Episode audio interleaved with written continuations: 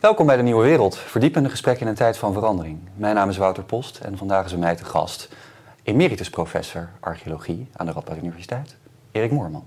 Goedemorgen.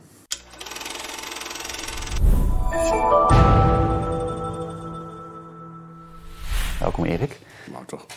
Je hebt een uh, fantastisch boek geschreven met Jan-Rik van Rookhuizen, die hier ook eventjes mag worden genoemd.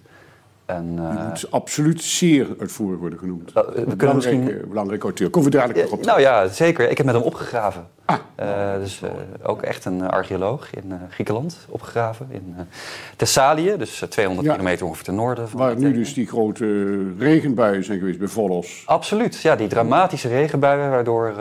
eerst, eerst bosbrand en dan dit, ja. Precies, de, de grote graanvelden van Thessalië ja. onder water staan. En de Griekse autarkische ideeën van uh, we gaan ons uh, met graan voeden van eigen bodem. Dat uh, is voorlopig de bodem ingeslagen. Geregend zou ik zeggen.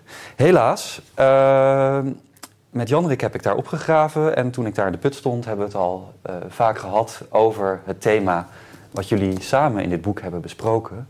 Namelijk de wijze waarop we de Acropolis van Athene moeten bezien. Ja. en de wijze waarop we de Acropolis van Athene bezien, als archeologen, als wetenschappers, maar ook als algemeen publiek misschien, uh, wordt gevormd door 19e-eeuwse, 20e-eeuwse opgravingen zou je kunnen zeggen.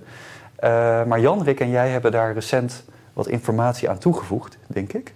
Ja, wat we willen proberen is een, uh, inderdaad echt de lange duur van het, van het monument, van de berg, de heuvel als monument te beschrijven. En van dat soort studies of publicaties zijn er maar heel weinig eigenlijk. Voor mij is het voorbeeld geweest voor onderwijs vanaf de vroege jaren negentig, toen Jan Rick nog voelig in korte broek liep of uh, heel klein was.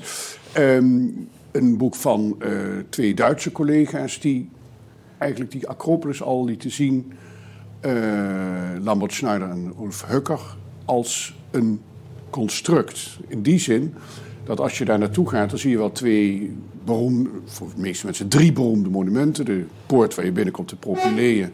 En dan wat, de meeste, wat we dan Parthenon noemen, een enorme tempel uit het midden van de vijfde eeuw. En waarschijnlijk uit dezelfde tijd het Erechtheion. Maar verder zat er niks, ligt er heel veel puin. En die twee heren zeiden al, uh, dat zullen wel meer mensen hebben gezegd, maar zo heeft het er nooit uitgezien. En dat heeft mij altijd gefascineerd. Voor mij is dan heel lang vooral in het onderwijs gebleven. En Jan-Rek van Rookhuizen heeft er na het mede door mij begeleide proefschrift over de Griekse schrijver Herodotus een onderzoeksonderwerp van gemaakt om de topografie, de antieke topografie van die verschillende monumenten nader te gaan bestuderen. Maar goed, dat, dus hij komt met heel veel ook hele zware specifieke vakkennis die hij in de laatste jaren vergaard heeft. Daarbij, voor mij is het een in de loop van de jaren opgebouwde uh, kennis, een beetje inzicht misschien, wat ervaring. Ook met excursies, met rondleiden daar. Um, en, uh, en dus onderwijs ook over die ontwikkeling in de loop van de tijd. Dat betekent dus daar dat de oudheid, waar je bij ons zou denken dat zal wel het belangrijkste is, misschien 40% van het boek, 35, 40%. Maar wij vinden het minstens zo belangrijk om te laten zien dat inderdaad het wel een heel belangrijke heuvel is geweest, ook in de loop van de eeuwen. Maar dan niet alleen in retrospect vanuit onze uh, moderne visie, vanuit de archeologie of bijvoorbeeld vanuit de moderne Griekse identiteit, maar ook voor de middeleeuwse Grieken die in de grote tempel en misschien ook in de Karyatide-tempel uh, kerken stichten. Natuurlijk een heel gewoon fenomeen, dat kom je overal tegen. Maar dus daardoor die heuvel ook in leven hielden. Ja. En vervolgens van 1500 tot 1800, 300 jaar Turken die daar een levendig dorp hadden. En een bastion, omdat het natuurlijk een mooi verbegenbare plek was, waaromheen het dorp Athene zich dan uitstrekte. En vooral eigenlijk over die periode, die Turkse periode, is relatief weinig bekend. Ja. Het enige wat iedereen altijd aanhaalt is de beruchte uh, explosie uh, in de Parthenon veroorzaakt ja. door, een, uh, door een bominslag van, van Venetianen ja. bij een beleg van dingen. 1687. Maar er is dus veel meer, er is veel meer dus mm. te mhm. melden. Um, en dan vervolgens, hoe is het dan gekomen tot dat construct van heden? Dat is dan in feite het volgende deel. En dat is natuurlijk wat er in de 19e en de 20e eeuw gebeurt. Dus, Ja. dus daar- zo hebben we het als idee opgezet. Toen hebben we ieder elkaar een aantal hoofdstukken toegedeeld. Ik zeg niet wie welk hoofdstuk heeft geschreven. ja, ja. Ik heb tot nu toe nog niemand eh, kunnen betrappen op het precies herkennen van een of ander. Het is natuurlijk Oké. gezamenlijke tekst worden. Dus, Ja. dus dan ging Wil je dat ik een gokje waag of juist niet? Jij mag, mag alles gokken, maar, Oké. maar laten we zeggen, dus in ieder geval iemand schreef een hoofdstuk en dan Ja. stuurde die het aan de ander op van, Ja. nou ik denk dat ik een eindje ben. En dan gingen we elkaar natuurlijk bestoken met aanvullingen, kritiek, opmerkingen. Ja. Nou, van, van de Piet Luttigste eh, Mhm. eh, eh, taaldingen tot, tot flinke aanvullingen en uitbreidingen of inkrimpingen. Ja. En dat is een zeer vruchtbaar proces gebleken. Dat Ja. is heel prettig om met elkaar te werken. En, daar, en daarbij is het wel zo volgens mij dat Jan-Rik iets meer gespecialiseerd is in wat vroegere periodes, in de archaïsche tijd misschien. En jij echt een grote expert bent op het gebied van Pompeiaanse wandschilderingen. Normaal eh, associëren mensen mij natuurlijk vooral met de Romeinse wereld. Absoluut. Ja. Dus dat, en dat is natuurlijk ook zo. Maar ik Ja. zei al, dus heel veel van deze dingen komen dus voor mij ook meer uit het onderwijs. ja. Dan dat ik daar eh, over gepubliceerd heb. En, en de, de Osmaanse of Veneti- Venetiaanse of ehm, Turkse tijd, zoals je het noemt, daar, daar weten we dus heel weinig over. Wat we wel weten is bijvoorbeeld dat de stad toen ook helemaal niet Athene heette. Nee. Selinas, geloof Ja, ik. ja. Eh, ik weet niet waar die naam vandaan komt, maar... Ja, dat is ook niet zo duidelijk. Daar hebben we Ja. ook eigenlijk geen, niet de vinger achter En gekregen. het was een dorp, zei je. Ja, Echt zo'n dorp, klein. ja. Als je dat op oude prenten bekijkt, tot in de vroege 19e eeuw, was, Ja. eh, was Athene klein. Eh, dan worden er verschillende aantallen bewoners met zo'n paar duizend. En dat is Ja. voor die tijd nog redelijk. En dan is Thebe is dan alleen groter. En Thessaloniki. Ja, Dat zijn eigenlijk de grote steden in die tijd. ja. Ehm, Met, maar Athene in de oudheid, dus laten we zeggen in de vijfde, vierde, derde eeuw voor Christus, Is had natuurlijk 200.000, 300.000, 400.000 inwoners wel. Ja, dat is ook nog moeilijk te schatten Ja. hoeveel. Maar inderdaad, dat, dat was een grote stad. Ja. En, eh, zeker ook begrijpelijk dat het daardoor een wereldmacht was in die tijd. Ja. Of een mediterrane mini-wereldmacht. Tijdens een zeer korte periode, hè? Dus misschien dat we daar eventjes op in kunnen zoomen. Eh, de periode waarin Athene opkwam, zou je kunnen zeggen, kan je in de late zesde eeuw of iets dergelijks Ja. al leggen? Hè? Hoewel natuurlijk als je, stel dat we die Acropolis toch als, eh, Ja. als we die toch nemen als eh, een eikpunt, dan heb ik de indruk dat de monumentaliteit van die berg in de, eh, in Ja. de zesde eeuw, de hele vanaf ongeveer eh, 580, 570, Ja. toch wel zeer aanzienlijk is geweest. Dus ik denk dat Athene wel wat meer was dan Ja. eh, dat het niet alleen de vijfde is. En maar dat dat weer zo'n voorbeeld is van, Ja. we praten daar naartoe, omdat dat natuurlijk voor historici, klassici, noem het maar op, cultuurhistorici, de grote gouden eeuw van, eh, van de Griekse wereld is. En dan vooral van Athene is. Maar. Dat is eigenlijk wel Ja. eerder. Dus ik zou me kunnen te voorstellen, dat je zegt die zesde, vijfde. Ja. En dan doorlopend tot in de Hellenistische tijd. eh, Ja. Dus drie eeuwen is Athene, denk ik, een aanzienlijke macht ook geweest. Ook, eh, ook naar buiten toe. En die zesde eeuw, ik ben zelf ook gespecialiseerd in de archaïsche periode en die zesde eeuw. En eh, het Acropolis Museum wat we nu kennen, dat ligt niet op de Acropolis zelf, maar dat ligt ernaast. Dat ligt aan de zuidzijde van de Acropolis. Ja. Eh, het is een prachtig gebouw, in 2009 volgens mij Ja. geopend. Zeer veel geld aan besteed. Wat een eh, nogal wrange smaak had voor de Griekse bevolking Ja. eh, met de financiële crisis destijds. Eh, maar dat is prachtig in elkaar gezet. Ook Fantastisch, Met, met, ja. op, op schaal volgens mij een reconstructie van de metopen van, Alles in principe. Eh, ja. Dus de, het gebouw is zo dat. de- maar laten we, we, we, gaan direct dan terug naar de archaïsche tijd. Het Mhm. mooie ervan is dat Schumi, de Zwitserse architect, heeft het zo geconstrueerd. Het is een grote doos. Het lijkt op zich misschien niet eens zo eh, fantastisch als je het van buiten ziet. Maar de bovenste verdieping is precies zo gelegd dat die parallel ligt aan Ja. de daarnaast opdoemende grote tempel. Dus, dus je kunt als het ware ehm, Ja. het, met precies dezelfde omvang eh, in de kern. En daarom kan het, het grote Fries dat rond Ja. de cella van het eh, gebouw Ja. eh, was aangebracht. En dan de metopen daarbuiten en de twee gevelvelden kunnen dus helemaal precies één op één in die zaal worden geëxposeerd. En als we het over het gebouw hebben, dan hebben we het over het gebouw wat vroeger wel eens het Parthenon werd ja, genoemd. wel in het algemeen. Of, eh, het algemeen Dat is het ook hoor. Dat is het ook. Oh ja, is dat zo? Ja. Tuurlijk, dat wordt het vanaf de vierde eeuw zeker. Ja, precies. Maar daarvoor is dat toch wel dat is omstreden. Dat is wat, Vierde eeuw voor Christus had je het net over, denk ik. ja, dan bij, bij eh, Ja. bijvoorbeeld Demosthenes, dan, eh, Ja. die noemt het gebouw en dan Grote weten we zeker dat het dat, Ja. dat het dat dan wel geweest is. Grote Maar, eh, redenaar. Eh, Philippus. Hier komen we inderdaad Ja. Mhm. op wat, wat inderdaad Jan-Rik van Broekhuis in, in onderzoek in de laatste jaren veel heeft. Die zeggen van ja, die termen die zijn er wel en die zijn Mhm. ook goed. Maar als je precies wil gaan kijken wat het voor een gebouw geweest is, dan, is het, eh, dan moeten we het Parthenon als mogelijke heiligdom voor een, ja, een van de vormen van Athena. dus Athena Parthenos, dus de Mhm. Ja. maagd, de ongehuwde vrouw Ja. niet twee, precies lokaliseren. Dus, Ja. Maar dat is natuurlijk in dit boek een deelaspect. en Dat is belangrijk omdat het natuurlijk, als we het over de vijfde eeuw hebben, komt dat aan de orde. Ja. Eh, ja, hij is nogal iconoklastisch, of in dit geval meer eigenlijk oikoklastisch, want elk gebouw krijgt een andere, krijgt Ja, een andere naam. Ja. Geldt ook voor de Caryatidentempel, die dus, eh, wij het Erechtheion noemen. En hij wil het Erechtheion misschien zelfs wel in, eh, in, de, in de grote tempel situeren of elders op de heuvel. Ehm, dat zijn ook belangrijke dingen, die, eh, die, die, en die krijgen hier hun plaats. Maar dat, dat, eh, voor echt wie dat in het wetenschappelijk onderzoek wil uitzoeken, eh, moet dat elders zoeken. Want daar hebben we zelf ons ook echt in moeten beperken. Want, anders krijg je natuurlijk een eh, nadruk erop, ehm, op dat geheel. Maar daarom is dat een- natuurlijk een belangrijk onderdeel, maar we vinden die andere onderdelen dus minstens zo belangrijk. En dan komen we terug op die archaïsche Ja. periode, Job-tijd. eh, Ja. Ehm, Prachtige dan- tijd. Dan moeten daar dus ook een paar Ja. toch wel flinke tempels hebben gestaan. Ja, want voor de kijkers misschien is het even goed om te contextualiseren Ja. wat er gebeurde in die tijd. Er gebeurde van alles. De filosofen kwamen op, Ja, eh, muntgeld kwam op, ja, eh, de grote tragische dichters, de tragediedichters, Aeschylus bijvoorbeeld, die werd geboren in 530 Ja. voor Christus, midden in die archaïsche periode, de late archaïsche periode.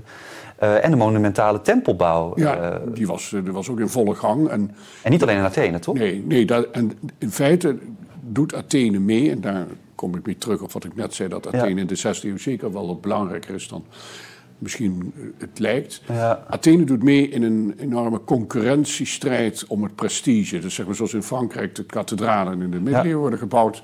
Alle grote steden gaan grote heiligdommen bouwen. eh, en daar, daar kennen we er heel veel van. eh, die allemaal zo rond 600 in kalksteen. En dan wat later eventueel ook nog in, eh, in marmer. Maar in ieder geval in kalksteen beginnen te...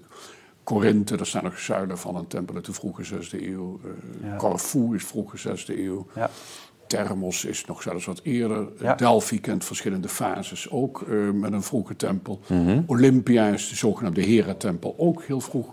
Nou, en datzelfde zie je in bijvoorbeeld op Sicilië en in Zuid-Italië. Allemaal rond eh 580, 570 eh, komen dan hele grote monumenten op. Denk aan Paestum eh, vanaf Ja. midden van de 16e eeuw. Dat kennen meer mensen omdat er drie enorme monumenten zijn. Maar Ja. zo kun je tientallen plaatsen noemen. Dus Athene is daarin niet uniek, maar heeft wel eh, daar toch echt wel bijzondere monumenten gehad. Waarvan we nauwelijks meer natuurlijk de architectuur kennen, maar nog wel heel veel beeldhouwwerk. En dat Prachtig, is dus heel mooi in die Ja. eerste zalen van, de, Ja. van het Acropolis Museum. Met gigantische gevelvelden, dus de, de aankleding Ja. van de façade van die gebouwen. De, waar je, als je binnenkwam of op die heuvel kwam, daar meteen tegen aankeek Ja. met gigantische Wat gevechten prachtig geïmiteerd ook is hè, in het Ja. eh, Acropolis Museum. ja, dat hebben ze heel mooi neergezet. Ja. Je loopt die trap op en je kijkt dan tegen een van de oudste gevels aan. Ja. eh, waar leeuwen en panters met elkaar vechten. En, eh, en- en Ja. stieren. En, dus grote dieren die dus de kracht van de natuur laten zien. En van de goden die dat beheersen. Ehm, dus dat is inderdaad, een, dat zijn blikvangers nu voor ons. Ja. Daarnaast ook het kleine spul, wat toch vroeger helemaal niet te zien was. Dus heel veel aardewerk gelukkig nu te zien. En eh, kleine objecten, eh, brons en zo. Wat toch wel in de loop van de 19e eeuw gevonden is. Maar heel lang verwaarloosd is. Althans voor het grote publiek verwaarloosd is. En in het oude Acropolis Museum was daar weinig van te zien. Ja. Dus dat is een enorme aanwinst. Ja.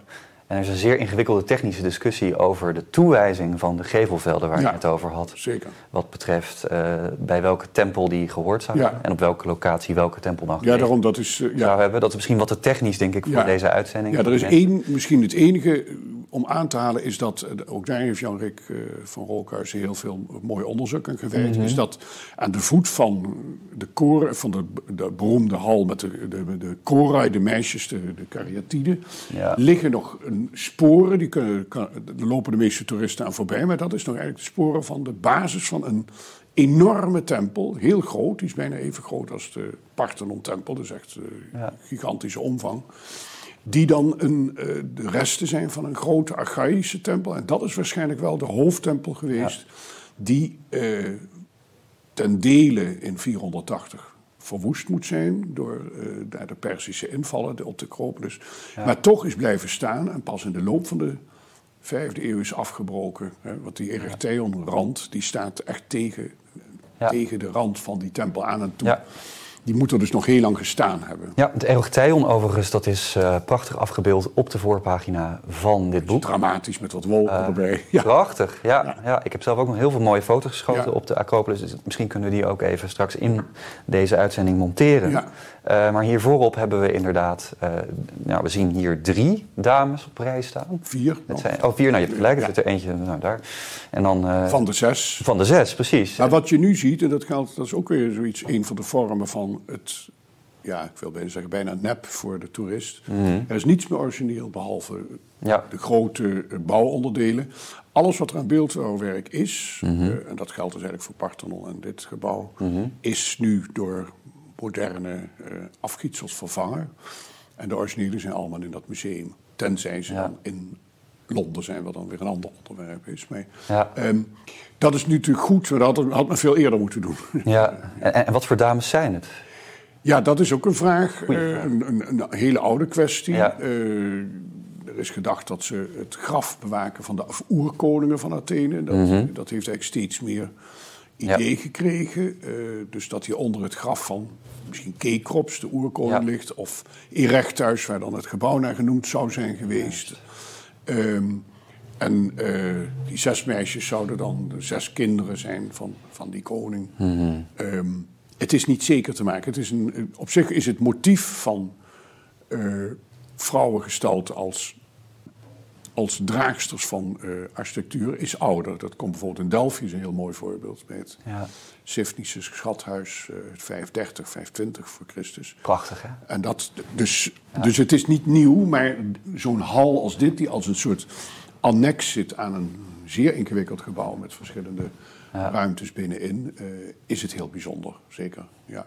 En die, eh, dat Sifnische schathuis, dat moeten we misschien ook maar eventjes snel bespreken. Ja. Want ik ben daar zeer groot Ja. liefhebber van. Ja. De, de, de, de Dat is de prachtigste beeldhouwwerken die er zijn in de, in de Absoluut, periode. Ja, dat ben ik met je eens. En, eh, En zeer gecompliceerde dingen. Het is het meeste beeldhouwwerk aan een schathuis, dus aan een, aan een door.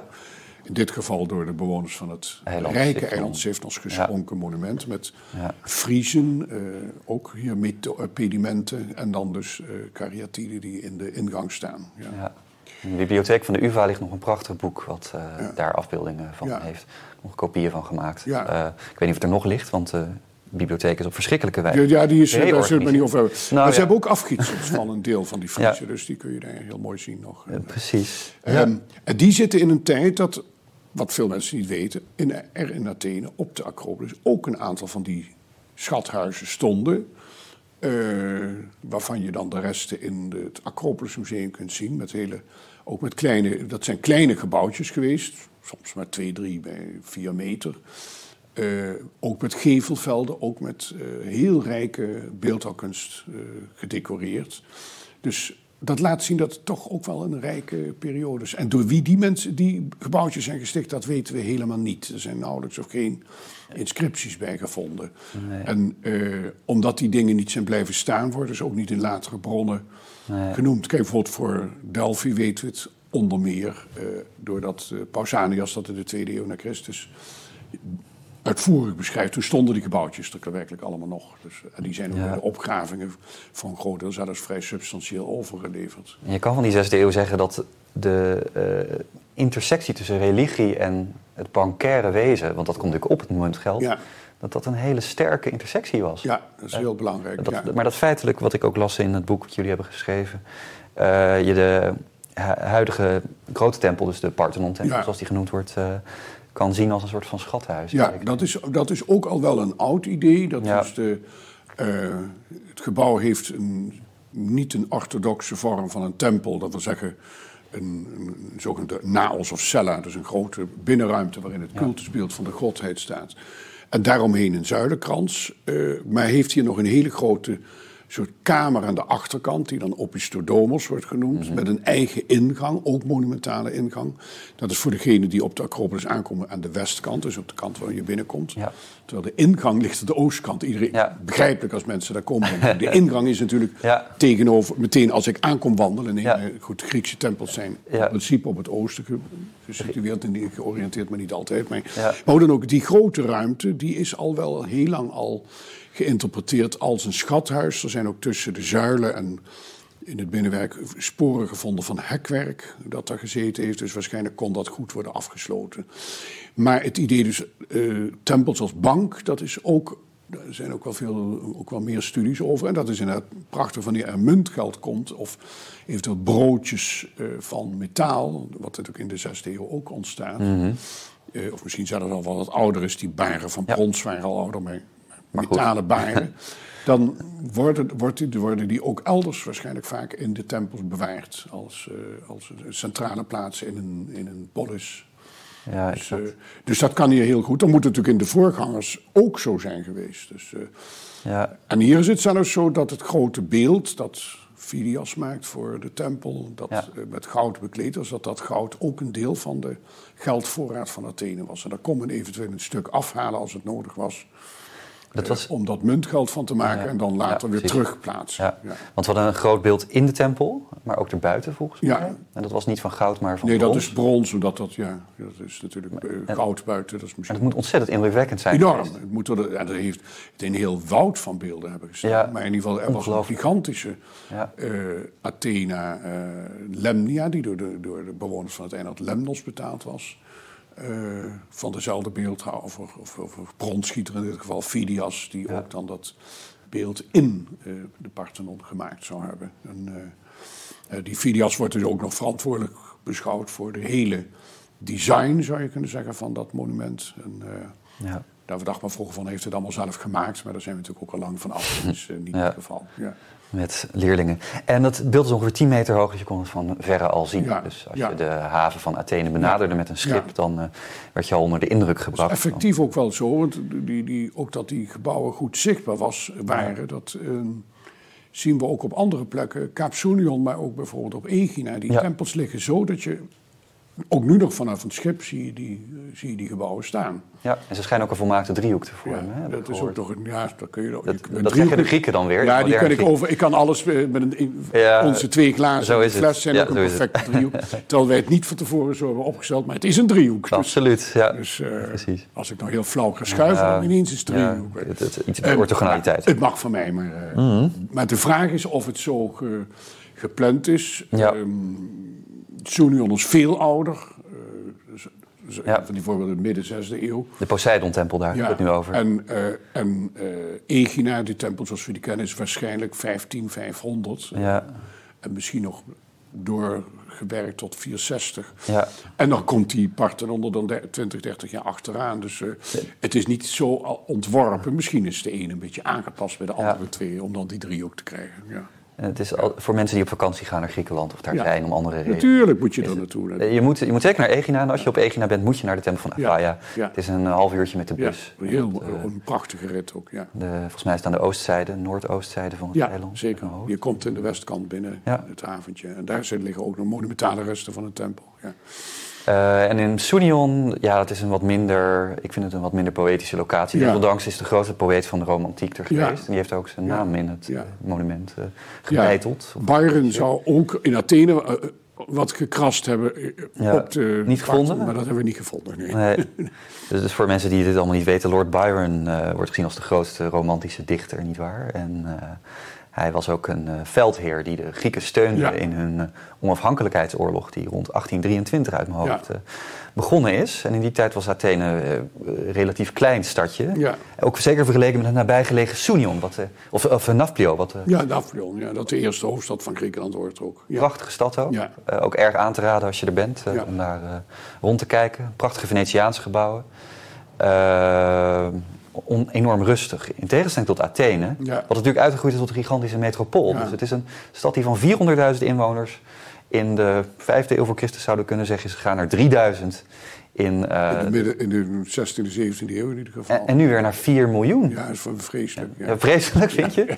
Want, want wat is er zo vreselijk aan? Nou, het is natuurlijk toch wel altijd een enorme congestie met verkeer en, en, verplaatsen van de, van de mensen binnen de stad. Het is wel beter Al geworden, is, vind ik, de laatste 25 jaar enorm veel verbeterd. Eh, In de tijd hebben die, ehm, die Olympische Spelen van 4, van 2004, hebben enorm veel een vliegveld gevormd om de stad enorm te verbeteren. Ik heb er zelf een tijd gewoond in 2000, eh, een half jaar. En toen vond ik het al veel aangenamer dan, eh, dan ik me uit vroegere bezoeken herinnerde. Ja. Er was gewoon veel opgeknapt. En, eh, maar het is altijd nog het is druk en, en vol. En, Ja, maar tegelijkertijd zijn dat ook wel hele mooie, rustige, lege plekken. Dus, eh, ja. En dat is ook zeker rond de Acropolis zo. Ja, Dus als mensen daar zijn, dan eh, kunnen ze een prachtige wandeling maken. Nou, als je doorloopt langs de Acropolis, kom je op, de, op die andere heuvels bij de Pnix. En de, Ja. zo, dat is eigenlijk heel stil en rustig. Ja. De Pnix en de. Philopappos. En de Philopappos. Dat zijn allemaal hele rustige plekken. Het is allemaal ten eh, zuidwesten van de Acropolis. Ja. Eh, je hebt een prachtig wandelpad door, eh, ik ben even de naam van die man kwijt, in de jaren Leon Baris. Ja, ja.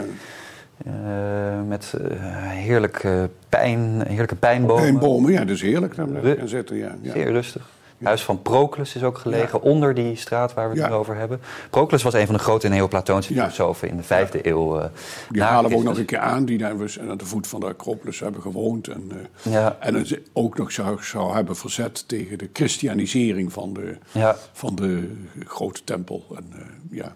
Ja. Nou goed, dat is, in, dat in die is- vijfde eeuw waarin eh, Justinianus de keizers eh, toga droeg. En eh, feitelijk de, de, de hele chri- christianisering van dat... Definitief gemaakt. Dus, Definitief, hè? Ja, absoluut.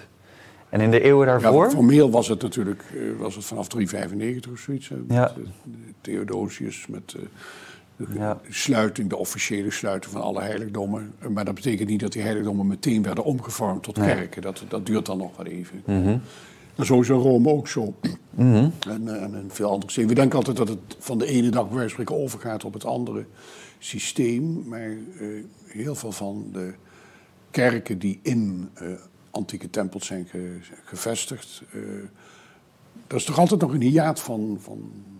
50, 100, zo'n 200 jaar voordat dat echt Ja. eh, gebeurt. En dat is eigenlijk op zich nog wel een interessante vraag. Maar goed, dan gaan we misschien wat ver weg van dit. eh, Nou ja, het is, het, het, is een onderwerp wat eh, ook de overgang van Athena naar Maria eigenlijk Ja. betreft. Hè? Ja. Dus, eh, ehm, en Athena die eigenlijk ook nog door blijft sijpelen door de geschiedenis heen. Eh, in het Byzantijnse collectief bewustzijn. Ja, zeker, want ze wordt altijd wel aangehaald van de kerk, bevindt zich in het oude heiligdom van Athena bijvoorbeeld. Dat is eh, eh, en de moeder gods, want ze heet daar dus inderdaad, oftewel Theotokos of, of Ja. dus de wegwijzende moeder van ons allen, Mhm. Is in zekere zin een soort voortzetting van Athena, hoewel Athena natuurlijk geen moeder is, maar wel wegwijster. Ja, Eh, dochter is ze eigenlijk. eh, zij is alleen maar dochter. Maria is ook dochter Ja, en Elisabeth en eh Joachim. Maar dat is toch minder belangrijk in de christelijke kerk dan dat zij de Theotokos is van eh, ja. De godbarende is. Ja. De- Dus de Grieken die, die, die beschouwen zichzelf in de moderne tijd op allerlei manieren natuurlijk, want we leven in een zeer pluriform tijdsvak. Maar desondanks zijn er twee eh, termen die we aan hun etniciteit kunnen verbinden, namelijk Ellines Ja, en eh Romii. ja, En die Ellines, die, dat is een terminologie die meer verbonden lijkt te zijn met het oude klassieke Griekenland, waar Romei zich meer met het Romeinse Rijk Ja. eh, identificeert.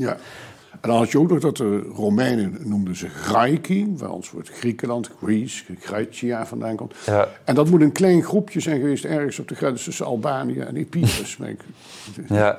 Heel grappig. Dat zijn misschien de eerste die ze zijn tegengekomen toen ze via Illyrië Ja. binnentrokken. Dat is, eh, Oké, maar hoe zit dat dan? Want dat is... eh, dus er moet een kleine, een, een kleine landstreek tussen dat Ja. eh, de, aan de kust bij Albanië zijn geweest, dat Graikia heette. ah ja. En daar komt dan, eh, dat pars werd totum, Ja. eh, werd dus de algemene naam voor, ja. want de Romeinen gebruiken niet iets met Hellas. Nee. nee. Dus het, het gebied wat het dichtst bij Italië ligt eigenlijk? Of Ja, dat moet daar zo zijn geweest. daarmee associëren ze het dan? Ja. En dan wordt dat alles? Ja, wordt dat alles, ja. Ja, Oh, wat, wat interessant. de Romeinen hebben, dat is ook een van de hoofdstukken, gaat natuurlijk over de Romeinse periode, de Hellenistische en de Romeinse periode. Eh, in, die, in, ja, in, dat, in die tendens zo rond 200 om, om in die Middellandse gebied enorme expansie te Ja, drijven. voor Christus weer, hè? weer voor de Eh, luisteraars die het ja, niet weten. eh, hebben ze dus ook Griekenland v- langzaamaan veroverd. Ja. Of door bondgenootschappen met lokale vorsten te sluiten. En, Mhm. dan, en dat dan langzamerhand te paaien of door bruut geweld. En daar zijn veel voorbeelden van. En dat eindigt met de verwoesting van Korinthe in 146 door Ja. Lucius Mummius. Ja, En het moet een gruwelijke verwoesting zijn geweest met een volledige ja. uitroeiing van een grote zusterstad. Ja. Wat ook archeologisch nog te zien is, want er staat nauwelijks iets uit de oude, oudere periode, behalve Helaas de niet. Gaïsche tempel waar we het net even over hadden. Ja. En de rest is allemaal Romeins. Gesteekt door Caesar van in 46, precies 100 jaar daarna. En, en die eh, tempel waar je het over hebt, dat is de tempel van Apollo, denk Ja, ik. Hè? ja. En, en de tempel, Apollo is eigenlijk een van de meest beroemde godheden in, Ja. in de archaïsche tijd al. Ja, Eh, groter dan Athena, zou je kunnen zeggen. Ja, Athena is zeer lokaal. Dus er zijn ook helemaal niet zoveel Athena-tempels eigenlijk. Nee, de Griekse wereld ook in het algemeen. nee. Dus dat Athene, dat heeft eigenlijk pas in die vijfde eeuw dan eh, definitief De overhand de gekregen. overhand gekregen. Ja. En, en dat, dat, dat is een enorm tragisch proces. Ja, Want eh, we hebben 480, de slag bij Salamis volgens mij. Eh, het, het plunderen van de Acropolis door de Perzen die daar winnen. Dat moet er net voor of ertussen, tussen Ja. die verschillende. Ja. Ja. Dat ene jaar is enorm, moet enorm veel gebeurd zijn, in een hele korte tijd. In 479 worden, ze dan, worden die Persen dan definitief verslagen. Ja, En omdat de Atheners zo'n belangrijke rol in die, eh, in die door de meeste Griekse stadstaten samengevoerde oorlog hebben Ja. gespeeld, maakt dat, dat daarna het een, eh, een grote macht kon worden. Met Ja. dus veel invloed eh, op oude bondgenoten, die dus in feite dan een soort ondergeschikte ja, figuren worden. Er wordt wel gesproken van de stichting van een soort eh, NAVO, hè, met de zogenaamde Ja. Delisch-Attische Zeebond vanaf de jaren 70, 60 ja, van de vijfde eeuw. Ehm, daar is Athene zo groot in, zo machtig in, dat die, eh, eh, zoals vroeger bij ons zou je kunnen zeggen, de VS de, de NAVO volledig domineerde. En, eh, dat is wat, wat meer gelijk getrokken, al is de VS nog altijd daar belangrijk in. Ehm, maar ehm, daar was Athene zwaar dominant in. In- tot zover dat ze op een gegeven moment de kas van die bond naar Athene haalde. En daarmee ook een deel van de grote bouwprojecten op de Acropolis en ook elders in de stad hebben gefinancierd. Dus het waren eigenlijk ook grote handelsmeesters. Ja, wel waren dieven, moet ik eerlijk zeggen. Als ik op een mooi, eh, als ik op Delos woon en ik moet dan alleen maar geld betalen en Ja. een kas. Ja, eh, waarmee dan Athene eh, eh, Bella Figura maakt. Ik weet niet of dat nou zo allemaal even zo eerlijk is. Hè? Dus, eh, ja. dat, eh, Delos, wat nu niet bewoond is. Hè? Nee, nou, toen had het natuurlijk een, een bloeiende gemeenschap. Dat is vanaf 70 voor Christus dat het niet meer bewoond is. Ja. Er, er woont nu niemand en je Nee. mag er eigenlijk alleen maar op excursie naartoe. ja. Dus je mag er niet overnachten. Nee. Tenzij je een Griek kent zoals ik, die eh, daar eh Of toegang via heeft. de Franse school, die hebben daar dan... Er zijn een paar die, die ingang heb ik nog nooit gevonden. Ja. Maar, eh, Nee, maar er zijn wat, een paar huisjes inderdaad. Ah, precies. Oké, nou, uitstekend. Eh, maar goed, in die periode is er niet alleen dus de eh, monopolisering van die handel, of op bepaalde gebieden in ieder geval, maar is er ook een, een zilvermijn in... eh, Ja, Lavrion, Laurion, het antieke Laurion. Dat ligt vlakbij Soumnion, Ja. dus aan de oostkust van eh, Attica. Dat is helemaal binnen de polis, binnen de Mhm. stadstaat van Athene behoorde. En die, die moet nogal wat hebben opgeleverd. Ja. Er wordt zelfs nu nog wel wat zilver gevonden, maar ik geloof te weinig om dat, Ja. Eh, om dat lucratief te exploiteren. Uh, maar daar had Athene ook geld aan. We hebben net over Sifnos even gehad, dat in de zesde eeuw als, ja. als uh, zilvereiland belangrijk was. Ik geloof dat dat toen helemaal over was. en dat veel van dat zilver binnenkwam via die mijn. Maar je moet je ook voorstellen dat um, oorlogen, als die succesvol verliepen, ook een goudmijn waren. Want de plunderingen, de geplunderde waren uh, en eventueel mensen die tot uh, slaaf konden worden gemaakt en verkocht konden worden, brachten ook heel veel geld in het laadje. Ja, dus dat is een. Dat is Daar moeten we dus ook rekening mee houden. Dus ja. die, bijvoorbeeld die Persen schijnen altijd een enorme trein aan luxe spullen voor hun, uh, voor hun koning te hebben meegesjouwd en voor de ja. anderen. En daar wordt dan van gesproken dat op Salamis de koninklijke tent met allerlei schatten erin uh, zijn gevonden. Allemaal ballast, zou je zeggen, als je op veldtocht bent. Maar goed, het was er. Uh, en dat levert natuurlijk dan een soort compensatie op voor de kosten die je al gemaakt hebt. En, en soms zelfs uh, winst. Dus dan hebben we het over de tent van Xerxes. Van Xerxes, ja. ja, ja. De Perzische keizer zou je kunnen ja, noemen. Een soort uh, gigantische, ja, gigantische man. Praal, praalfiguur, maar tegelijk toch ook een bijzondere, bijzondere figuur. Want dat Athene dat lag toen eigenlijk in de schaduw van dat grote Perzische rijk in die zesde eeuw voor Christus. Dus Cyrus de Grote die heeft dat enorm uitgebreid. Die heeft Klein-Azië eigenlijk veroverd, zou je kunnen zeggen. Wat nu Turkije heet. En uh, alle grote steden in het oosten van de Griekse wereld, dus Ionië wordt dat wel genoemd, en uh, ook de um, Exapolis, de ja. Torische Exapolis, uh, waar Rodos ook deel van uitmaakt. Ja. Dat was allemaal volgens mij net in een soort van schemergebied tussen onafhankelijkheid ja, en Perzische dominantie. Uh, maar eigenlijk waren de steden die daar uh, lagen, steden als Mileten, waren in die tijd veel, veel groter. Dan, veel groter, ja. ja, ja. Dan Athene. Ja, zeker. Zeer machtig. Ja. Maar, maar op de een of andere manier heeft die Perzische dominantie die naar het westen schuift, heeft ook misschien wel veel migratie er verder naar het westen. Zoiets, dat kun je je heel goed voorstellen dat dat het geval is geweest. Getriggerd. Dus, ja. dus de, de, vraag ook van, zijn de Atheners wel de Atheners? Of zijn ja. geen... ja, of dat een mix is. Dan kom je, ja. ja, dat is een heel hip, modern thema natuurlijk ook. Dus ik weet niet of we daar per se uh, op moeten. Maar in ieder geval... Kun je van de moderne Grieken je natuurlijk dan ook afvragen... waar die dan Absoluut. weer afstammen. En, uh, ja, ja. exact. Dan kom je uit uh, bij de, de, Koningshuis... wat vooral uit Denemarken en Beieren en dergelijke komt. Maar, maar goed, dat zijn er maar een paar. Maar de gewone Grieken zijn, voor, zijn vanaf de late middeleeuwen, maar vooral in de Turkse periode, uh, enorm aangevuld met uh, met name Albanese en andere Balkanmensen, omdat die gebieden ja. zo uitgedund ja. leeg waren. De Arvanieten hè, hebben het En die moesten dus eigenlijk. Ja. Dan moest landbouw en er moest van alles gedaan worden. En voor die mensen was het gunstig om uit die, hun kleine landen nieuw uh, daar zich te kunnen vestigen. Dat is. Dat wilden moderne Grieken niet graag, lang niet nee. horen. Hè? Dus... Maar, maar, toch zijn moderne Grieken zich wel bewust hoor, van dat soort subtiliteiten. Ja. Dus als je bijvoorbeeld de, de, de Socialistische Partij, de PASOK, uh, ja. van de jaren 80 en 90, uh, vooral van de jaren 80 ziet, dan hadden we in die tijd Melina Mercouri. Ja. Melina Mercouri was een grote dame, een uh, grote actrice ook, die op een gegeven moment minister werd in het kabinet van Papandreou. En zij was van Arvanitische afkomst. Ja. Dus, dus bijvoorbeeld. Dus, dus het werd dus wel het, het mocht wel. Het kon, het, het kon wel, ja. Heel gelukkig wel, ja. Maar ik kan, blijf ik me altijd herinneren dat een collega John Bintliff, die lange hoogleraar in Leiden is geweest, die deed jarenlang uh, als ja. archeoloog intensief onderzoek, veldonderzoek in Bojotië. Ja. Dus de landstreek ten noorden van uh, Afrika. ja. Uh, en gecombineerd met onderzoek in archieven. En die kon aan de hand van materiële sporen en van die archieven, dus vaststellen met zijn collega's met wie hij dat deed, dat dus inderdaad dat, uh, die omgeving van dat uh, Mariotis meer vooral, dus uh, Tespis en ja. Thebe en nou, andere plaatjes daar, 60, 70 procent Albanees waren in die, ja. in die wat wij dan de barokperiode zouden noemen, de vroegmoderne tijd. En toen hij dat ging vertellen op conferenties en in, op lezingen in Griekenland. Uh, zijn, heeft hij me wel eens gezegd, heeft hij het erg moeilijk gekregen, want daar wilden dus veel Grieken helemaal niet aan. Ja. Die voelden zich in hun, in hun identiteit uh, aangetast door ja. deze, uh, door deze Gewoon ideeën. Schending. Dat is inmiddels dan wel over, maar dat, dat, geeft wel een interessant idee. En dat is voor hem, jaren 80, 90, dat hij daar de eerste grotere gegevens van krijgt. En dat, dat werd alleen maar meer. En, uh, ja.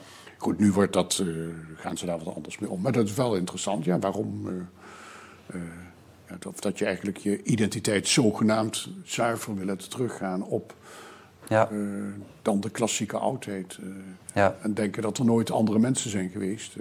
Ja, we kunnen nog wel een grote excursie eventjes die kant uit maken in de vorm van de ontdekking van Alexanders graf tussen aanhalingstekens ja, te Vergina Ja. door Manolis Andronikos. Andronikos, ja. Volgens mij in 92 is het gepubliceerd. Nee, nee, dat is veel eerder. Veel eerder ja, gedaan, maar gepubliceerd. Heb ik als student herinneringen aan, want Ja. ik was in 1978 als student op een, eh, een groot internationaal archeologencongres in Londen. En daar werden die vondsten van het zogenaamde graf van Philippus eh, Mhm. door, eh, door Andronikos geïntroduceerd. Ik had die man ook later ook leren kennen, hij is inmiddels overleden. Ja. En ik kon in 79 heb ik het graf al mogen zien. Dus, eh, en daarna ben ik, nu kun je er, ook dat is zeer aan te raden, Absoluut. als je naar Thessaloniki gaat om een excursie daar naartoe te maken. Het is een prachtig museum geworden. Ik vind het het Maar mooiste dat, werd ook een soort, maar dat werd dus ook een, een etniciteits... Kwestie. En, en, Ja. en iconograaf, en een, een icoon was gevonden. Want het ging dan om de vader van Alexander de Grote. Eh, zeg, Nu weten we dat het, als het een Philippus is, als het een koningschaf is, is het Ja. een kleinzoon om de latere vierde eeuw. Dat is niet erg, die, die, die, ja, je begint met. Maar het, was een, het stond op de agenda als een eh, nationaal eh, ja.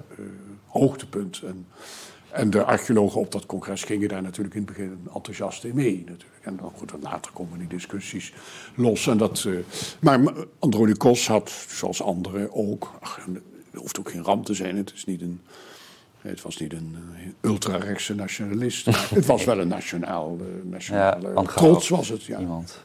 En dat geldt, dan komen we weer op ons boek terug. Nou, dat kun je dan in het laatste hoofdstuk over die 20e, 21e eeuw lezen. Dat die Grieken daar natuurlijk een, een eigen cultplaats van gemaakt hebben. Ja. Ja.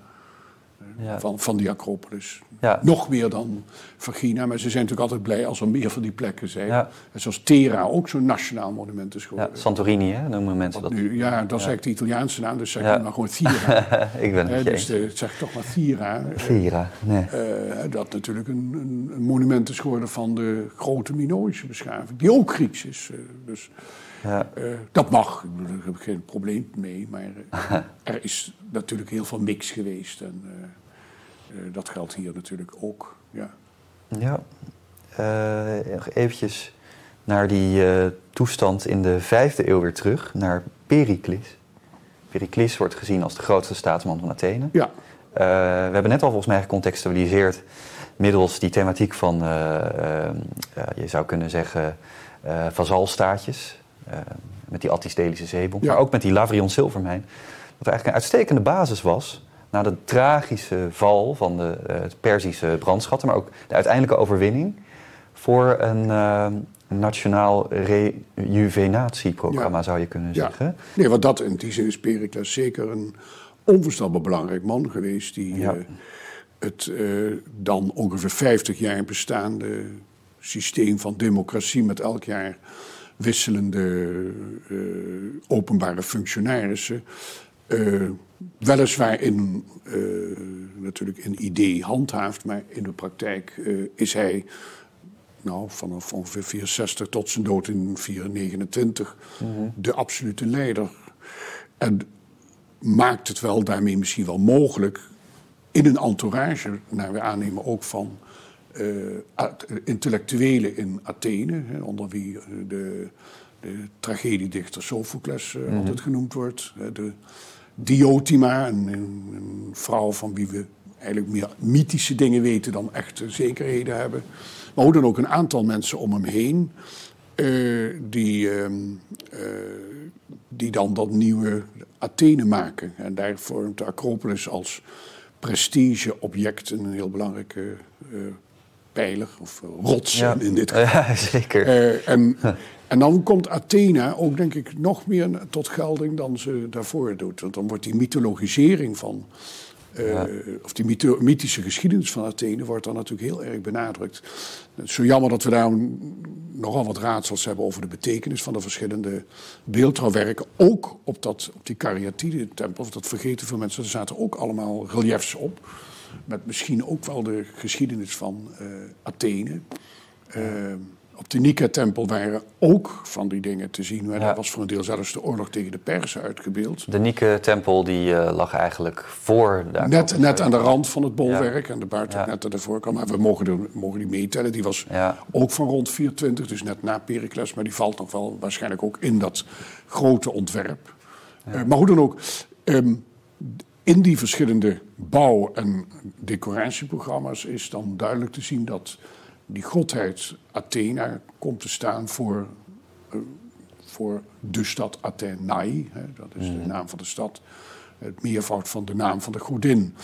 En ze maken het zo bond dat ze een mythe toepassen die, ja, dat is echt een hele mooie eh invented tradition, namelijk dat eh, Athena haar beschermheerschap heeft gekregen in een wedstrijd met Poseidon, waarbij de oude burgers van Athene de scheidsrechter speelden. Dus wij twee zitten hier en dan mogen twee goden een dansje voor ons doen en wij twee zullen bepalen welke god dan eh, uitgekozen wordt. Dat doen de goden dus niet zelf, maar dat doen de mensen van Athene. Nou, dat is nogal een eh, aanmatiging, zou je kunnen zeggen. Naar de goden Je zou het bijna acebeia noemen, oftewel goddeloosheid. Ja, ja.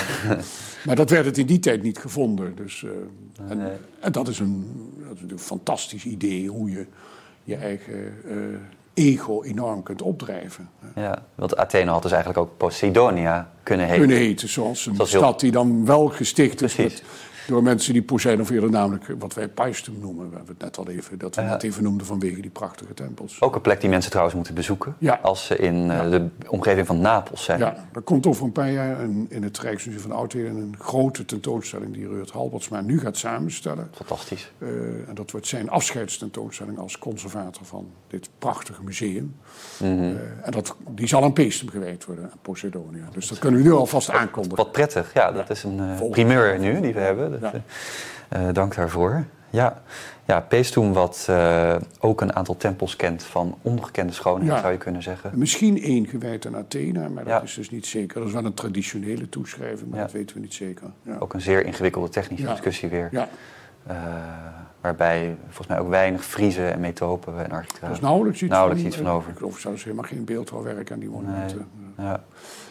Zal wel wat geweest zijn, misschien ook hout nog, omdat het eh, soms oude stukken zijn. Dat weet Ja. ik eigenlijk helemaal Het is een heerlijk rustig stadje. Je kan Ja. het stationnetje daar, eh, eh, kan je, daar kan je uitstappen. Dan loop je misschien 10 minuten Ja. naar eh, het Archeologisch Museum. Ja, Eh, je kan daar heerlijk zitten eh, in restaurantjes en mijmeren. en mijmeren. Ook als je onderzoek moet doen, zoals Ja. ik destijds daar heb gedaan. eh, naar gevleugelde godinnen uit de archaïsche periode. ja, Eh, wat overigens ook in Athene een eh, thema is. ja, zeker. Eh, want er zijn er veel gevonden. Eh, dus het is interessant misschien ook om eventjes vast te stellen dat vrouwen centraal staan Ja. in de 6e eeuw voor Christus. Ja, op die- sowieso op die berg. Want Ja. naast Athena was het zeker ook eh, Artemis, die een belangrijk heiligdom was, Afrodite. Er was een Zeus-heiligdom, om dan maar even een man te noemen, maar dat zat een beetje aan de rand. Eh, Ja, daar weten we eigenlijk zelfs helemaal niet veel van. Eh, misschien met dezelfde bijnaam als Athena Polias, dus eh, de Ja. stadsbeschermende godheid. ja, Maar de vrouwen op de burcht eh, waren dus uitermate veel belangrijker. En dat gaat dus door tot Maria en de middeleeuwen. Dat is natuurlijk prachtig. Ja. Ja. en dan één groep vrouwen hebben we nog- volgens mij nog niet besproken. Dat zijn de Korai. Nee, En de Korai zijn Ja. feitelijk meisjes, zou je kunnen ja. zeggen. onge- vrouwen net voor hun huwelijk zou het woord eigenlijk betekenen. Dus Ja. die, die dames in de, eh, in, die wij Cariatide noemen, heten in de antieke documenten Korai. En die term Cariatide kennen we eigenlijk alleen maar van Vitruvius, die een verhaal bedenkt. Vitruvius is een schrijver van wie we verder niet veel weten, maar die in Architect. 20 voor Christus een Ja. boek heeft geschreven eh, over allerlei aspecten van de architectuur. Ehm, en daar al in het begin vertelt, eh, een, iemand die wil bouwen moet iets van geschiedenis weten, want die moet kunnen uitleggen eh, en begrijpen wat hij voor motieven toepast. En dan noemt hij het voorbeeld van kariatide, dus eh, vrouwengestalte in plaats van zuilen. Zoals je voor mannelijke atlanten of telemonen hebt, waar natuurlijk het verhaal van Atlas die de hemel draagt, meteen de uitleg is. Maar wat zijn dan de kariatiden? Wie zijn dat dan? Dan zijn dat in zijn geval vrouwen uit een plaatsje Karië, Kariai, nee, want Karië is een landschap, Kariai, met Y, ergens in de Peloponnesus, die na een of andere vage oorlog, we weten eigenlijk helemaal niks over, eh, gevangen zijn gemaakt en dan eh, met hun mooiste kleren aan lasten moeten torsen. Ja. Dus heel een zware vernedering natuurlijk. Je moet dus de zondagse jurk of je bruidsjurk misschien zelfs aantrekken als vrouw. En dan, de, en dan lasten dragen, emmers ja. op je kop en stenen. En, ja. en dat zou dit zijn. Maar Cora is dus inderdaad een, een, term die we in inscripties tegenkomen voor vrijstaande beelden van vrouwen. Er zijn er tientallen van gevonden op de Acropolis. En dus deze vrouwen. En dat is een buitengewoon boeiende discussie. Daar, die hebben we ook wel ook wel het een en ander over gezegd. Wie stellen die vrouwen Ja. gestaltes voor? Hè? Dus de studenten die kunstgeschiedenis of archeologie studeren, komen die figuren tegen als voorbeelden van de zogenaamde archaïsche stijl in de beeldhouwkunst. Ja. Eh, en het type komt ook in de rest van de antieke wereld voor. Maar Ja. ja, wie zijn het? Dus dat zijn theorieën. Ze stellen de godin Athena voor, of misschien of zo- sommige Artemis. Of ze stellen vrouwen voor die een offer brengen bij het moment dat ze in het huwelijk gaan treden. Dus een soort portret, maar dan in een geïdealiseerde vorm. Ehm, nou zijn die soms door mannen geschonken, soms door vrouwen geschonken. Dat is in de descripties, komt dat allebei voor. Eh, zijn het dan de vaders die hun dochters schenken, om zo te zeggen? Ja. Ehm, je komt daar niet precies uit. Eh, er is soms wel eens gesproken over echte portretten, omdat ze toch wel wat individueel zijn. Dat lijkt me een iets te moderne gedachte. Maar eh, dat ze iets te maken hebben met, eh, met vrouwen die ook inderdaad op die Acropolis zich verbinden met de godinnen Athene en Artemis, lijkt mij wel Ja. beest aannemelijk, ja. Ja.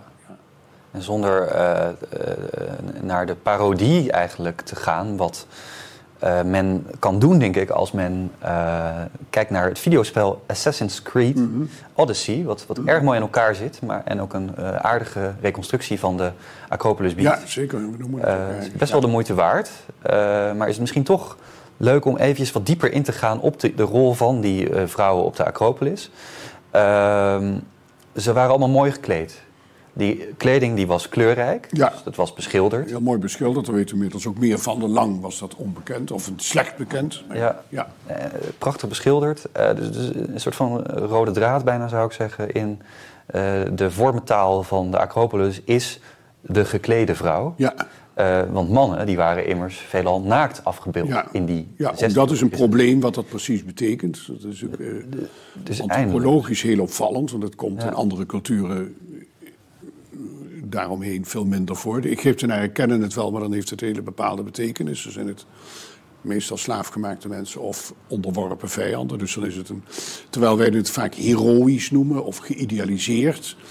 Ja. Eh, het heeft waarschijnlijk wel met een lichaamscultuur te maken. Dus dat het, eh, namelijk dat mannen training deden voor bijvoorbeeld de oorlog. Ja. Als ze niet hoefden de oorlog voeren, in ieder geval dat ze ervoor klaar zouden zijn. Ja. Waar ook de hele sport mee verbonden was. En dat werd ongekleed gedaan. Nogmaals, het blijft onduidelijk waarom dat precies volledig naakt is. Maar goed, we moeten Maar die ook- vrouwen doen dat niet. Nee, Maar, die, maar die zijn ook go- goed getraind, moet ik Die zijn zeggen ook hoor. goed getraind, zien er fantastisch uit. Ik, ik heb daar vele discussies over gevoerd Ja. met bevriende archeologen ook, die, met wie ik door het eh, Acropolis Museum liep. Een goede vriendin van mij, Anna Meens, die Ja. eh, daar ook, eh, nou ja, die is daar niet in gespecialiseerd, maar ook wel in de analyse van eh fysiognomie in de Ja. oudheid. En ja, die, die maakte eens een keer de opmerking dat ze toch wel hele goede kontjes hadden, Ja, die dames. nee, dat is Dus, absoluut. Ze zien er- fantastisch uit eigenlijk, ja. En ook vaak heel gespierd. En Ja. nou is dat zelfs wel eens gezegd, dat heel veel van die vrouwenbeelden... nou in de moderne gendertijd is misschien wel, laten we zeggen, minstens iets wat fluïde-achtigs hebben. ja, Wat te maken zou kunnen hebben dat toch de modellen meestal eigenlijk voor de anatomie mannen waren. Hm. En dat er dan wat iets vrouwelijks aan werd gemonteerd om er vrouwen van te maken. Omdat in de praktijk eh, de vrouwen, dat weten we toch wel goed, eh, in weinig misschien zomaar buiten liepen. eh, en als ze buiten waren, eh, echt geheel gehuld waren in kleding. Hè. Dus dat ze ook echt ja. nauwelijks lichaamsdelen vrijlieten. Dus En, en, en ook voor jonge meisjes gold dat natuurlijk. En, Eigenlijk toch ook wel, ja. Het en- zijn wel vaak hele dunne kledingstukken. Ja. Dus veel linnen. Dat kun je Ja. dan aan die prachtige eh, kreuk te zien die erin zit. Mhm. Eh, Je kunt vaak de textuur van de verschillende lagen wel herkennen. Wol en linnen naast Mhm. Ja. elkaar. Katoen was er natuurlijk nog niet. Zijde, dat is, moet misschien eens een keer via de zijderoute zijn geweest. Maar en, dat zal wel heel weinig En de godin Athena die was eigenlijk het uh, mooiste van iedereen gekleed. Dat moest eigenlijk zijn. En daarom denken sommigen, omdat die koorruit er zo prachtig uitzien... dat het de godin zelf zou kunnen zijn. Ja, ja. ja. En er waren dus meisjes tussen de 9 en de 13, wat ik begreep. De zogenaamde Arephoroi. Ja. Die ook uh, de, de, zorg moesten dragen dat de uh, peplos, dus het gewaad van de godin... Uh, dat dat mooi in elkaar geweefd werd. Ja, precies. Ja. ik weet niet in welke kleur dat precies was. Want ik associeer Griekenland en zeker ook Athene altijd met de kleur blauw, zoals dat ook ja, weer natuurlijk. in het Maar ik geloof dat het krokos is geel. Kokos is geel. Ja, ja. Voor, de, voor die kleding. Okay. Dat is in ieder geval wel de kleur ook van huwelijkskleding. Ja, precies. Dus, uh, maar dat is, blijft een probleem, want ze hebben inderdaad hele bonte kleren aan. Mm -hmm. Dus misschien is dat juist het moment voordat ze in het huwelijk treden. Uh, maar inderdaad, ja, dus het zou heel goed met de godin, uh, dat ze dan een soort op de godin lijken op dat moment. Maar dat die Ariforen, dat is interessant, want dat is eigenlijk een soort, ja, kinderpriesteresjes die er uh, zijn. Want die inderdaad, als ze dan 13, 14 zijn en ze huwbaar worden, dan mm -hmm. houdt dat ook op. Uh, dus er komt steeds een nieuwe groep. En, uh, of, of, of, misschien verwisselen ze binnen de groep. Ja. Het oudste meisje vertrekt en er komt een jong meisje bij. Het, is een, ja. het aantal is niet helemaal duidelijk, geloof ik. Maar ehm, dat, ja.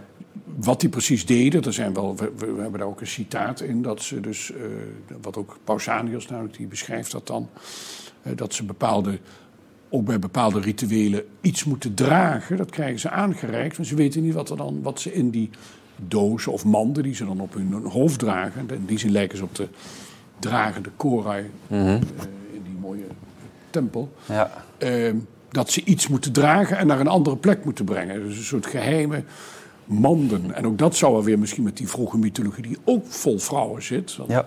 Die vroegste koningen hebben dus dochters. En die dochters die moeten uh, een kind dat. Uh, wellicht het kind is van Athena en, uh, en Hephaestos bewaken. Een, een, jongetje dat een slangenlichaam heeft. En dat zit in een mand. En dan mogen zij niet kijken. Dus er zit ook dat soort geheimhouding in. Ja. En ook dat zijn jonge meisjes die dat dan, die, die dan... En ze moeten die slang volgens mij ook honingkoeken voeren. En dan moeten ze dat, dat arme beestje moet iets te eten krijgen. dus dat zijn de honingkoeken. Ja. Nou, misschien lijken die op wat wij dan ook stroopwafels noemen. Ik weet het niet. Ja. ja. Maar daar zitten dus net heel veel vrouwen... Uh, vrouwelijkheid en vrouwencultus in. Dat is fantastisch. Dat is dat toch. Dat, dat Ja. En die burgerij. Want dat, dit, nu zitten we al in de vijfde eeuw, maar dat het daarvoor Ja. is en dat dat ook blijft. Ja. Dat die vrouwen daar een belangrijke rol spelen. Ook te zien op dat enorme Fries dat dan eh, rond de cellen van de grote tempel loopt. Waar ook heel veel vrouwen in afgebeeld zijn. Ja. Hè, die als offers dragen, die in processie meelopen. Processie voor de godin Athena, volgens mij. Ja, Dat is een van de interpretaties toch wel de meest, meest aannemende. waarschijnlijk. Hè? Ja. Ja, dus eh, misschien is het voor mensen ook leuk om te, zich te realiseren dat die Acropolis dus, om hem nog even te verlevendigen, en een ruimte was waar ritueel, Heel belangrijk. bankaire zaken, ja. Ehm, maar ook bijvoorbeeld eh, dramatische vertoningen van historische momenten in de geschiedenis van de stad, Ja. zij aan zij gesitueerd waren. Ja. En ik zat te denken van, wij moderne mensen hebben daar eigenlijk helemaal geen equivalent voor. Nee. In Amsterdam niet, in Den Haag niet, zelfs in Washington DC niet. Dus de, de, de manier waarop de psychologie van de mensen in Athene destijds vorm moet zijn gegeven, is eigenlijk eh, onvergelijkbaar. Ja, maar dan moet je denk ik terug in, in, bij ons terug dan naar wat eigenlijk toch in, in godsdienstrituelen Ja. gebeurt, met in kerken. Ja, eh, waarbij dan de katholieke kerk en, en, en, Joodse feestdagen die groot Ja. gevierd worden. eh, einde van, eh, van de Ramadan, het suikerfeest. Bepaalde momenten waarin wel grote blijdschap of dank wordt geuit. Dat zijn nog wel momenten, processies. Maar ja, veel Ja. mensen kennen dat niet. Dat is dan Nee. eh, voor ons nauwelijks meer. Maar het bestaat wel. Het is alleen uit zicht geraakt. Zeker in het eh, geseculariseerde Nederland. zeker. En, Maar ik kom, dus uit- ik kom zelf uit Zuid-Nederland en heb dus zelf als kind ook echt in processies meegelopen. Dus ik- Dus ik wil zeggen, waarbij je door een, door het dorp trekt. Mhm. En, en, en, en, en dan hadden de kinderen ook een object in de hand, een kaars of een palmtak of wat dan ook. Ja. Vaak dan de kleding was aangepast. Hè, ja, en niet alleen in de kerk. Dus ik zeg het, de zichtbaarheid was er wel. Maar dat is natuurlijk, daar is zo'n Acropolis een heel mooi voorbeeld van. Eh, Maar dat was helemaal een grote literaire traditie van de Bijbel. Maar hier is de Ja. literaire traditie, zou ik toch willen beargumenteren, nog groter. Omdat we dan te maken hebben met de drie grote tragediedichters. Waarbij bijvoorbeeld de, de, de eerste grote tragedie is volgens mij uit 472. Dat is Perzen. De Persen, ja. Dus- Maar Dan moeten er natuurlijk veel ouderen zijn geweest, maar dat is de oudste die over is. Ja. En, eh, maar die werden niet op de Acropolis, maar aan de voet van de Acropolis. En in Nederland hebben we niet zoiets, hè? Want, want ons equivalent zou zijn... Vondel. eh, ja, maar, maar voor onze tijd zou het misschien Duitsers dan heten, Ja. toch? Ja, misschien In plaats wel. van Perzen. Ja, ja. Dat, maar dat, wij, wij zijn er niet zo expliciet in. Moet na de oorlog wel het nodige zijn geweest met opvoeringen ook van toneelstukken en eh, die daar aan herinneren, maar dat is inderdaad uit het zicht geraakt. Nu zou je zeggen, ik vind een herdenking, eh, herdenking op 4 mei bij allerlei monumenten in Nederland vind ik toch wel een heel mooi voorbeeld van dat is openbare eh, Beleidenis. ostentie, Ja. eh, tonen van, Mhm. eh, van, van, ja, van aansluiting bij herinnering. Ja, dat vind ik wel. Dat zou je dan misschien wel een voorbeeld kunnen noemen. Maar laten we zeggen, die tragedie, die Griekse tragedie en ook de komedie. Die dan ook wel eens zo van, ja, dat wordt allemaal ontwikkeld op de Acropolis, maar dat is dus niet waar. Dat is natuurlijk gewoon in de stad en dat is Ja. van de burgerij. Dat aan de voet van de heuvel en ter ere van een andere godheid, nou Dionysos, wordt uitgevoerd. Dus Ja. dat is meer de periferie van die rots. Ja, ja. in allerlei wijken ook. Ja. Hè? Dus we hebben de Keramijkos, de Pottenbakkerswijk. Zo nog wat eh, plekken waar allerlei eh, interessante activiteiten plaatsvinden. En eh, de noordzijde van de Acropolis is nu misschien de meest krachtige mm, culturele hotspot, zou je kunnen zeggen, van Athene. Met allemaal winkeltjes. Ja, dat is en, een, een heel mooi oud wijkje eigenlijk. Ja. en ook de Agora. En dan, en dan daal je af naar de Agora, maar dan tussendoor heb je net nog een deel plakka nog zitten. En, eh, Ja. en dan, dat is in zo'n heel klein wijkje waar in de 19e eeuw de handwerkers kwamen te wonen... die dan onder meer eh, het nieuwbouw van Athene maakten. Dus, dus eh, ja, Dat zijn een heel mooi gerestaureerd. Dat is ook pas de laatste 20, 25 jaar eigenlijk prachtig gerestaureerd. Ja. Ook met een paar kleine musea daar. En, eh, ja. En voor- en dan daal je af inderdaad naar de Agora. En dat is het centrum van de democratie, als Ja. we dat willen. En niet, dus, en niet dus de Acropolis. Nee, precies. Wat bijvoorbeeld de UNESCO nog steeds zegt, wat de Grieken zelf vinden. Ja. Dat het het symbool van de democratie is. Nou, ik zou het zeggen, ik vind bijna het tegendeel. Hm. Eh, want ook al is Pericles misschien dan de grote democraat van de vijfde eeuw, er zijn ook kanttekeningen te plaatsen bij zijn machtsontplooiing. Ja. En die machtsontplooiing is, is dus inderdaad vooral op die agora. Of, eh, en het hele instrument van de democratie is de agora. Ja. Met de kies, eh, Ja. kiessystemen, met de verschillende eh, accommodaties voor de eh, uiteenlopende politieke publieke lichamen enzovoorts. ja. Dat gebeurt niet op de Acropolis. En het bewustzijn daarvan is natuurlijk helemaal weggecijpeld al vrij snel. Ja. Dus in de zesde eeuw, denk ik, is daar niet zo heel veel meer van over. En eh, wordt die agora ook overbouwd met eh, Ja. allerlei bouwwerken. Ja, En het is pas, eh, volgens mij in 1920 ongeveer, dat de Amerikanen daar een einde aan kopen maken. eigenlijk, je zou zeggen, het was een zoek. Ja. Het was eigenlijk nog de oude Turks-Arabische of, of, Turkse zoek. Ja, Daar is nog een stukje van over.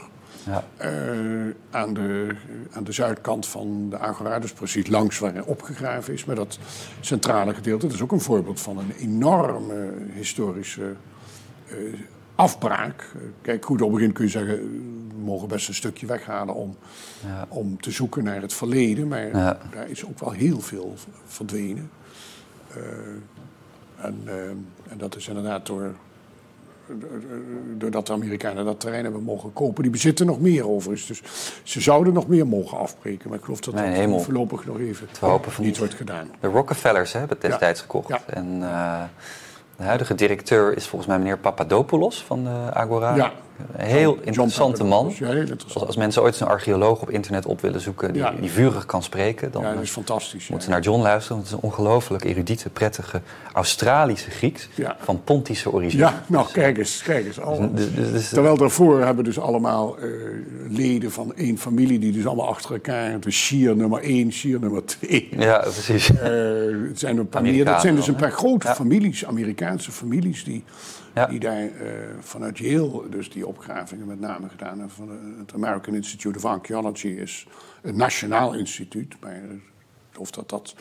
Nou, die verschillende opgravingen zijn zo'n beetje verdeeld over de grote Mhm. universiteiten, de Ivy League vooral. En, en zo, zo hebben die, dat is op zich al een fantastisch onderwerp, dat die opgravingen daar dus door bijna in familiedynastieke verhoudingen zijn geweest. En Papadopoulos is dan bijna homo novus, terwijl hij natuurlijk een enorme, prachtige carrière had uh, ja. aan, uh, aan Stanford. Ik heb hem leren kennen toen hij op een congres in Amsterdam in 98 bij ons was. Dus uh, ja, ja. vaak ontmoet. Ja. En met homo novus bedoel je iemand die de nieuwe man is. En dat is weer een term die Marcus Tullius Cicero in de eerste eeuw voor Christus heeft gebezigd. In, uh, en, ook zelf was hij dat trouwens. Ja. Uh, en dat is een, een, kader waar jij gisteren uh, met mij uh, over hebt gesproken. Namelijk een andere vrij nieuwe man uit een oud Romeins geslacht.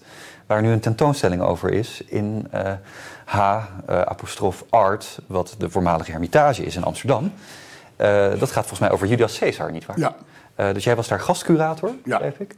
Ja, die tentoonstelling wordt door de mensen van het museum gemaakt. Ja. En ze hebben dan mij erbij gevraagd om mee te denken over het historische en archeologische concept eromheen. Mm en, uh, en, dat was geweldig om te doen. Het is mijn derde keizertentoonstelling. Ik heb ooit Constantijn gedaan. Ah, ja. En uh, in 1516 in de Nieuwe Kerk. Dat is voor okay. een deel dezelfde organisatie, dezelfde mensen ook. En hier twee jaar geleden in, in Leiden... Uh, in het net al genoemde Rijksmuseum van Oud het over Domitianus. Ah, ja. Nu gaan we dus naar Caesar toe, um, die uh, de Hermitage nu omgevormd als hart uh, als eerste tentoonstelling in die nieuwe uh, identiteit brengt. Um, met een aantal objecten die het museum als het ware ja, aangeboden krijgt in een soort pakket. Mm -hmm. door, door tentoonstellingsmakers in Italië uit het Archeologisch Museum in Florence en het Museo Nazionale Romano in Rome. En daar, en daar konden wij dan, en dat was onze mooie uh, mogelijkheid, dat was een soort ja, pakket waar je mee een tentoonstelling kon maken. En die was in, die hadden dan de mensen van, het, van Hart hebben die gezien in Finland. Ik niet, mijn ergens in Finland is die geweest. En toen zeiden we, daar kunnen we zelf iets moois van maken. En ik geloof dat dat gelukt is door, door veel aan te vullen en, en Caesar uh, diepte te geven. En de belangrijkste aanvullende aspecten gaat over Caesar en de lage landen. Waar ja. dus eigenlijk door de voor de meeste mensen ook het beroemdste en het beruchtste episode uit zijn leven. De grote Gallische oorlogen. Hij is wat acht jaar, acht, negen jaar in uh, wat nu Frankrijk, België en Zuid-Nederland is, Gallië geweest. En heeft dat langzamerhand, uh, uh, veroverenderhand, uh, deelgemaakt van het Romeinse Rijk. Nou, wat is in zo'n tentoonstelling? Het is moeilijk om een persoonlijkheid van iemand van wie je natuurlijk geen enkel persoonlijk stuk bezit. We, te laten zien. We hebben niet twintig brillen zoals bij Juliana in het tentoonstelling mm. over koningin Juliana of mantelpakjes of gespreksopnamen. Dat is er uiteraard allemaal niet. Dus je moet er een beetje omheen denken. En, en, en, ik, denk, ik denk dat dat goed gelukt is door Caesar in het begin te presenteren als lid van de elite. En dan laat je zien hoe zo'n elite in elkaar zat. Die een keuze maakt, politiek, om een soort populist, even gemakkelijk gezegd, mm -hmm. te worden. Um, en zich aan te sluiten bij een groep Romeinen die de maatschappij grondig wil veranderen. Mm-hmm. Met meer, misschien niet meer rechten, maar wel meer economische mogelijkheden voor de laagste groepen vrije mensen die weinig of geen geld hebben. Mm-hmm. militaire uh, veteranen bijvoorbeeld. Uh, grote groepen uh, slaafgemaakten vrij te laten en die grond of geld te geven om een nieuw bestaan op te bouwen. Dat zou bijna ons idee zijn. Wat doen we met vluchtelingen die hier komen? Die moeten we gewoon een bestaan bieden. En, en niet alleen maar zeggen, ja, we pappen en nat houden. Mhm. Als je die mensen iets biedt, dan kunnen ze wat gaan doen. Dan wordt het, blijft het niet een soort proletariaat. Nou, dat was dus een deel van hun agenda. Maar tegelijkertijd had Caesar ook een persoonlijke agenda. Hij wilde macht krijgen en hij wilde rijk worden. Hij was niet erg rijk. rijkdom verga je in oorlog. Ja. Als het goed gaat. Ja, of je sterft, zoals de rijkste man van uh, Rome in die tijd. Ja. In het oosten. Sterft als... Uh, Droeve dood. Ja. En dat was daarvoor voor Crassus. Die was toen de rijkste man. Die is ook in een, in een oorlog in het oosten van het Romeinse Rijk gesneuveld of uh, omgebracht. Dat komt wel meer. Pompeius was rijk toen hij stierf. Ja, dus op zich ja. uh, werd afgemaakt. hè, van Caesar. Nou, dus dat is nogal wat. Uh, ja. Die hebben het ook over de drie grote mannen van de jaren 60, 50 voor Christus. Ja. Maar hoe dan ook, Caesar is dan dus de meest succesvolle man. En, en een belangrijk aspect van die successen zijn die oorlogen in Gallië. Ja. Waar hij enorm veel uh, goud heeft vergaard. En dan komt weer op dat goud en zilver terug. Ja. Uh, in waren mijnen, die dan, dan nu niet meer zijn, was er dus vrij veel goud in omloop. Uh, in de lokale stammen, die dat meestal letterlijk in muntvorm ook hadden. Dus mm -hmm. dat was ook een muntsysteem, muntstelselsysteem. Mm -hmm. En dat muntgeld werd in de economie gebruikt, maar werd ook sterk gebruikt als buffer, als kapitaalbuffer. Ja.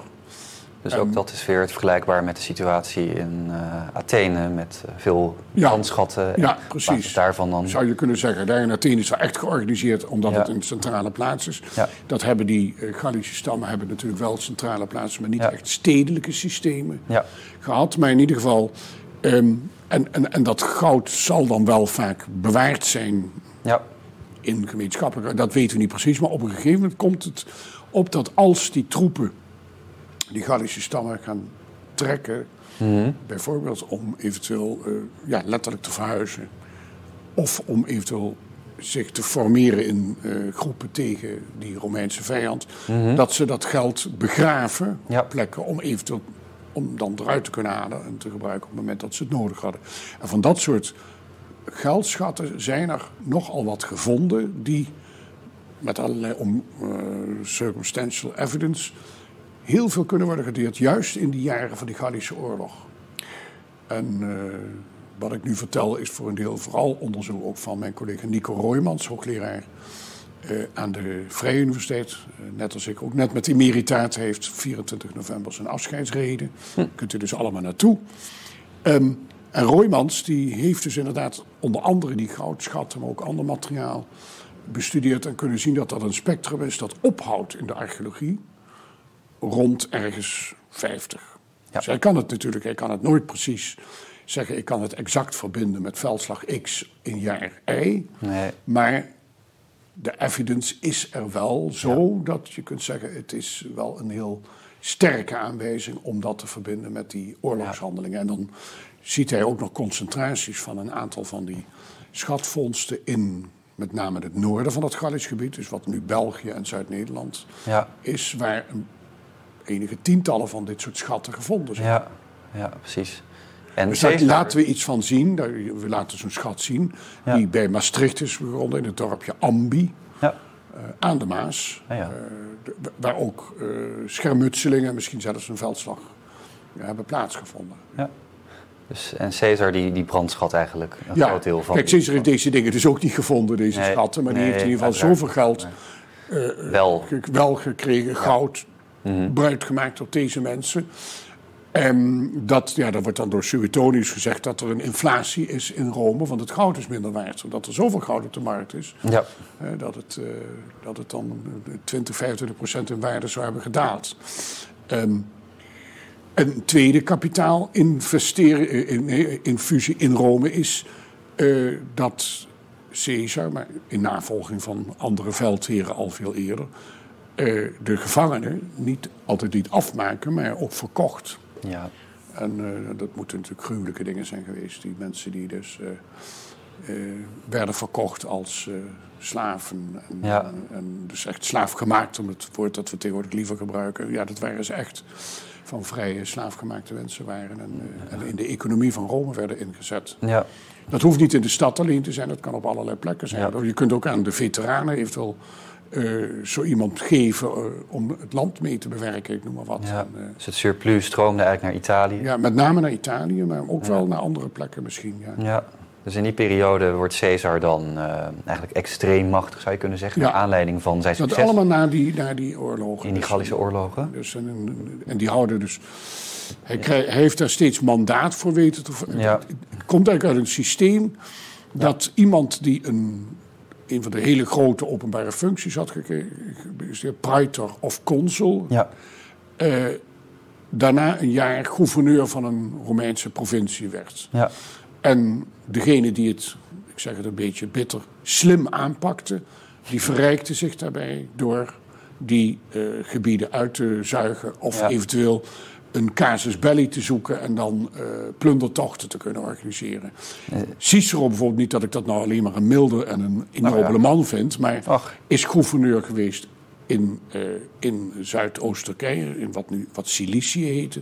Ja. Maar die zegt heel duidelijk dat hij zich niet heeft willen verrijken aan de locals en komt nee. niet rijker terug naar Rome. Ik denk ook niet dat ze dat hadden gepikt daar, want het nee. was allemaal iets geavanceerder. Dat was wat geavanceerder. Hellenistisch. En hij is ook niet echt een militaire persoon geweest. Ja. Maar de meeste van dit, soort, ja. van dit soort mannen deden dat. Ook Pompeius was zo rijk geworden, Crassus was Het waren eigenlijk rijk. ontzettende opportunisten, zou je kunnen zeggen. Sterk. En dat is iets wat al in de tweede eeuw voor Christus sterk het geval is.